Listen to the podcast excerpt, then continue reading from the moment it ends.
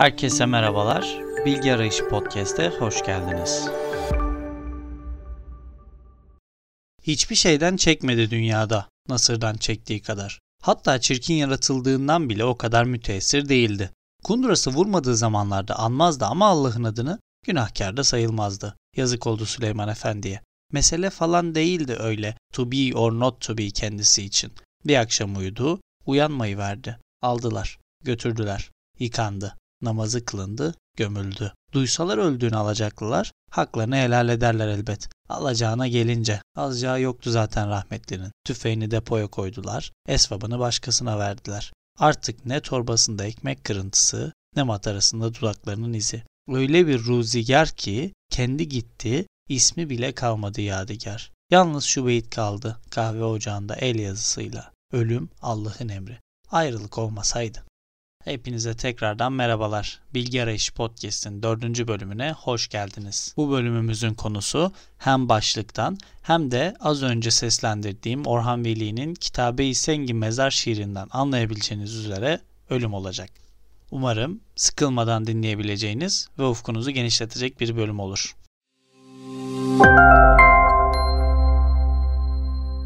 Belki geçtiğimiz günlerde doğum gününüzü kutladınız. Belki 20 yaşındasınız, belki 35 yaşındasınız. Hiç fark etmez. Belli bir süreyi geride bıraktınız. Bunda hemfikiriz. Ve e, önünüzde de henüz ne kadar olduğunu bilmediğimiz kadar bir süre mevcut. Bu belki 15 dakika, belki 15 yıl, belki ise 30 yıl. Ama emin olduğumuz şu ana kadar net olan bir şey var ki o da ölümün varlığı hepimiz için aslında bu tartışılmaz bir gerçek niteliğinde. Yani bir gün hepimiz öleceğiz. Zincirlikuyu mezarlığında da belirttiği gibi. Ancak bu bizim için her zaman e, karamsar düşüncelere bizi sevk edecek bir dürtü olmak zorunda değil. Yani ölümü düşündüğümüz zaman ya da ölüm aklımıza geldiği zaman illa kötü düşünceler, işte yokluk veyahut da işte ölümden sonra hayata inanıyorsanız ölümden sonra bir hayat, sevaplar, günahlar gibi şeyler aklımıza gelmek zorunda değil. Hatta aslına bakılırsa ölüm bize mevcut yaşamımızın ne kadar kıymetli olduğunu, içindeki anın değerini anlamamız gerektiğini gösterecek bir gerçeklik olarak düşünülebilir. Apple'ın kurucularından Steve Jobs'ın bir sözüyle de konuya açıklık getirmek gerekirse, ölümlü olduğumuzu hatırlamak, kaybedecek bir şeylerimiz olduğu tuzağına düşmemek etmek adına en önemli aracımızdır. Tabii bu yalnızca kendi isteklerimiz veya kendi yaşantımız için geçerli olan bir şey de değil. Daha doğrusu yalnızca temelinde bizim olduğumuz olaylar ve durumlar için geçerli olan bir şey değil. Örneğin çok sevdiğiniz bir arkadaşınızı düşünün ve sizin istemediğiniz şekilde davrandığını varsayalım. Bu durumda o arkadaşınızla bir problem yaşarsınız ya da o arkadaşınıza kızabilirsiniz doğal olarak. Çünkü sizin istediklerinizin dışında bir davranış sergilemiştir ve bir noktada sizi hayal kırıklığına uğratmıştır. Ama baktığımız zaman aslında ölüm karşısında birçok mesele önemini yitirmekte. Birçok mesele ölümün olduğunu hatırladığımız vakit daha az etkileyici veyahut da aramızda aramızda sorun oluşturabilme kapasitesi daha düşük meselelere dönüşmekte. Bunu da aslında Marcus Aurelius'un bir sözüyle şu şekilde düşünebiliriz. Zamanın şu anki koşullarıyla sınırla kendini. Senin ve diğerlerinin başına gelenlerin farkında ol. Her şeyi altlarında yatan maddi ve nedensel kısımlarına kadar araştır. Yaşayacağın en son saati düşün. Bırak sana karşı yapılmış hata yapıldığı yerde kalsın. Çünkü aslında bir hatayı devam ettirmek oluyor bu bağlamda düşün düşündüğümüzde e, ölümün olduğunu unuttuğumuz vakit sanki ömrümüz sonsuza kadar sürecekmiş ve karşımızdakini de sonsuza kadar tanıyabilecekmişiz gibi davrandığımız için otomatik olarak ölümü göz ardı ettiğimiz için onun yaptığı hatanın da çok büyük bir sorun olduğunu, hayatımızda çok büyük probleme yol açtığını vesaire vesaire düşünmemiz mümkün. Ama baktığımız zaman en nihayetinde karşımızdaki kişi bir gün ölecek. Veyahut da biz bir gün öleceğiz. Hangisi erken olursa bir sonraki kişi bir daha görme imkanı yaşayamayacak. Dolayısıyla örneğin bir bardak kırıldığı için kardeşinize, arkadaşınıza bu kadar kızmanın bir lüzumu yok. Bardağı tekrar alabilirsiniz, telafi edebilirsiniz veyahut da birisinin hediyesidir vesairedir ama en nihayetinde karşınızdaki insandan daha kıymetli olmadığını hatırlamamız gerekir. İşte bu durumda ölümün önemi ya da ölümü hatırlamanın önemi ortaya çıkmakta. Bir diğer bakış açısından bakarsak, bir diğer perspektiften ölümü ölümü veyahut da ölümü hatırlamayı değerlendirirsek de şöyle hayal gücünüzü kullanacak bir canlandırmayla bu durumu açıklamak istiyorum kendinizi böyle denize bakan veyahut da şehire bakan bir evde yaşadığınızı ve pencerenin kenarında olduğunuzu hayal edin. O an için herhangi bir işiniz yok ve o an pencereden dışarıya bakıyorsunuz. Ne görüyorsunuz pencereden dışarıya baktığınızda? Bir hayat devam ediyor değil mi? Yani diğer insanlar, işte diğer canlılar, kuşlar, işte sinekler, böcekler veyahut da denize doğru baktığımızda işte eğer uzakları görebiliyorsak yunuslar, gemiler, kayıklar, kürekler bir sürü farklı farklı kendi içerisinde devamlılığını sağlamış canlı ve bu canlıların hareket ettirdiği nesneler. Baktığımız zaman aslında biz öldükten sonra da olacak şey bu pencereden bakma hadisesi kadar açık ve berrak. Yani bir gün biz öleceğiz. Belki sevdiklerimiz birkaç gün yasımızı tutacak. Belki ömürleri boyunca bizi hatırlayacaklar yer yer. Ama en nihayetinde onlar da mecburen hayatlarına devam edecekler. Aynı şekilde tabii diğer herkes de bizimle ilişkisi olan olmayan herkes ölüm gelene kadar kendi yaşamlarını devam ettirecek ve hatta bizi tanıyan herkes bir gün öldüğü zaman ve hatta bizim izimize dokunan herkes bir gün öldüğü zaman bu dünyadaki tüm izimiz, tüm hatıramız yok olsa bile bu dünya devam edecek. Dolayısıyla ölümün bu bağlamda kendimize bir anlam yüklemek veyahut da yaşamımızı nasıl değerlendirmek istediğimizi anlamak, bunun üzerine düşünmek için bizi itici bir kuvvet olduğunu düşünmek de mümkün. Yine Marcus Aurelius'un kendisi için yazdığı günlükten bir alıntıyla bu durumu nasıl anlamlandırabileceğimize dair bir örnek vermek istiyorum. Sabahları canın kalkmak istemedikçe şunu hatırla. İnsanlık görevi için kalkıyorum. Eğer bunun için doğduysam, bunun için dünyaya gönderildiysem neden huysuzlanıyorum? Çarşaflara, örtülere sarılıp kendimi ısıtayım diye mi yaratıldım? Fakat bu daha keyifli. Öyleyse keyif çatmak için mi dünyaya geldin? Eyleme geçmek, çaba harcamak için değil mi yani? Bitkilerin, örümceklerin, arıların üstlerine düşen her şeyi yaptıklarını, ellerinden geldiğince dünyanın düzenine katkıda bulunduklarını görmüyor musun? Tabii ki benim de dinlenmem gerek. Yine de doğa yemek, içmek gibi bunun da ölçülerini ve sınırlarını belirlemiştir.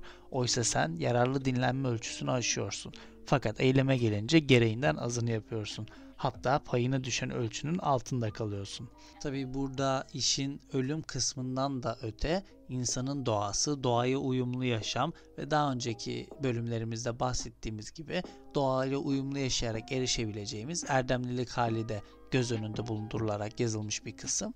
Ancak baktığımız zaman bu düşünce bizi tembelliğe düşürmesinden ziyade yani ölüm var zaten hiçbir şey yapmama gerek yok gibi düşünmemizden ziyade buna hiçbir şekilde mahal vermememiz gerektiğini, tüm insanlık adına ve tüm insanlığın payına düştüğü kadarıyla kendi üstümüze düşen görevi veyahut da kendimize biçtiğimiz görevi yerine getirmek adına doğamızın da bize çizdiği yolda çabalayarak bir seferberlik ilan etmek, yaşamımızı bu doğrultuda şekillendirmekten bahsetmekte ve aslında burada e, bir diğer stoacı filozof Seneca'nın da bazen yaşamak bile bir cesaret göstergesidir lafıyla hem karşıtlık içerisinde yani ölüm yaşam düşüncesinin zihinlerde karşıtlık yaratması bağlamında hem de aslında ne kadar iç içe ne kadar aynı şeyi ifade eden düşünceler olduğunu anlamak mümkün oluyor baktığımız zaman hepimiz aynı insani kökten geliyoruz. Yani bir e, siyahi vatandaş veyahut da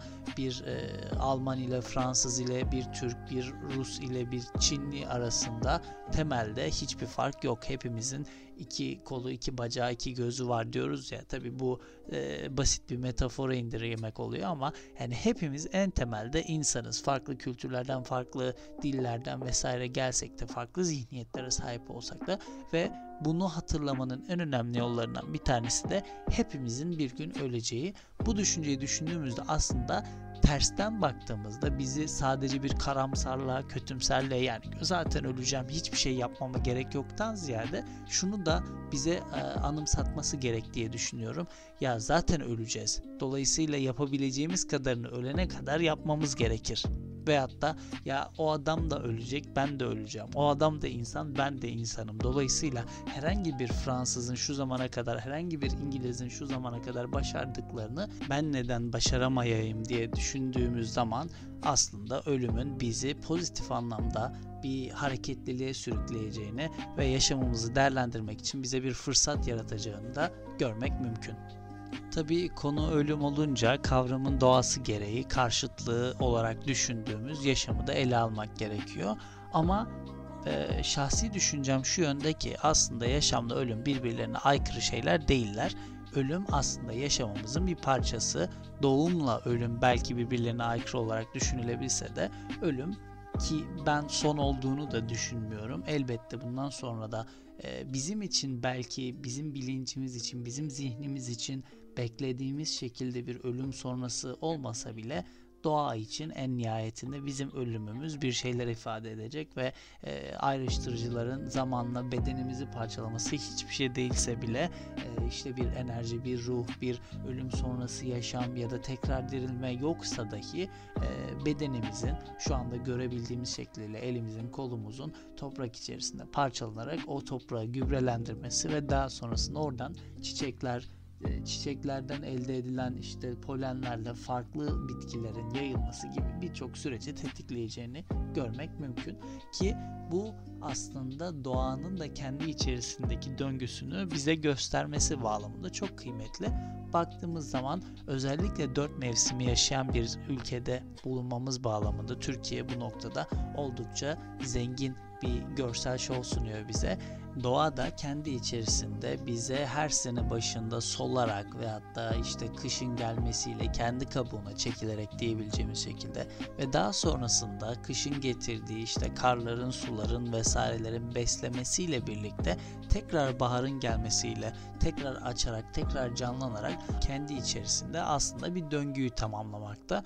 Dolayısıyla yaşantımızı da büyük bir yıl gibi düşünürsek belli dönemlerde kış, belli dönemlerde ilkbahar, belli dönemlerde yaz ve belli dönemlerde de sonbaharı yaşayarak son noktaya geliriz ve bu noktada baktığımızda tıpkı doğanın farklı farklı yıllar yaşaması, yılların birbirini takip etmesi gibi bir sürece sahip olması niteliğini de düşündüğümüzde ruhumuzun var olup olmadığı veyahut da öldükten sonra tekrar bir şeyleri yaşayıp yaşamayacağımız konusundaki inisiyatif tabii ki sizlere kalmış durumda. Bu bağlamda ben daha ziyade ölümün yaşamımız üzerindeki ve bilincimiz üzerindeki etkilerine değinerek bunun yalnızca olumsuz,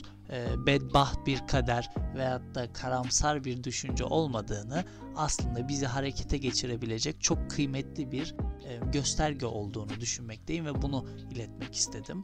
Bölümümüzün e, uzunluğu ve kolay dinlenilebilirlik açısından bu noktada sonlandırmamız gerektiği düşüncesindeyim. Umarım sıkılmadan dinleyebildiğiniz bir bölüm olmuştur. Biraz daha sohbet havasında geçmesinin böylesi bir konu içerisinde ciddiyeti de kavrayarak ama aynı zamanda bir arkadaş, bir dost ortamındaymış gibi hissederek ele almanın daha doğru olduğunu düşündüm. Umuyorum ki beğenmişsinizdir hem ölüm konusuyla yani bu bölümümüzle hem diğer bölümlerimizle hem genel itibariyle podcast'imiz hakkında hem de LinkedIn ve Medium yazılarım hakkında benimle ilgili soru, görüş ve önerilerinizi Uyan Neo Instagram hesabımdan bana iletebilirsiniz. Hepinize iyi günler diliyorum. 嗯。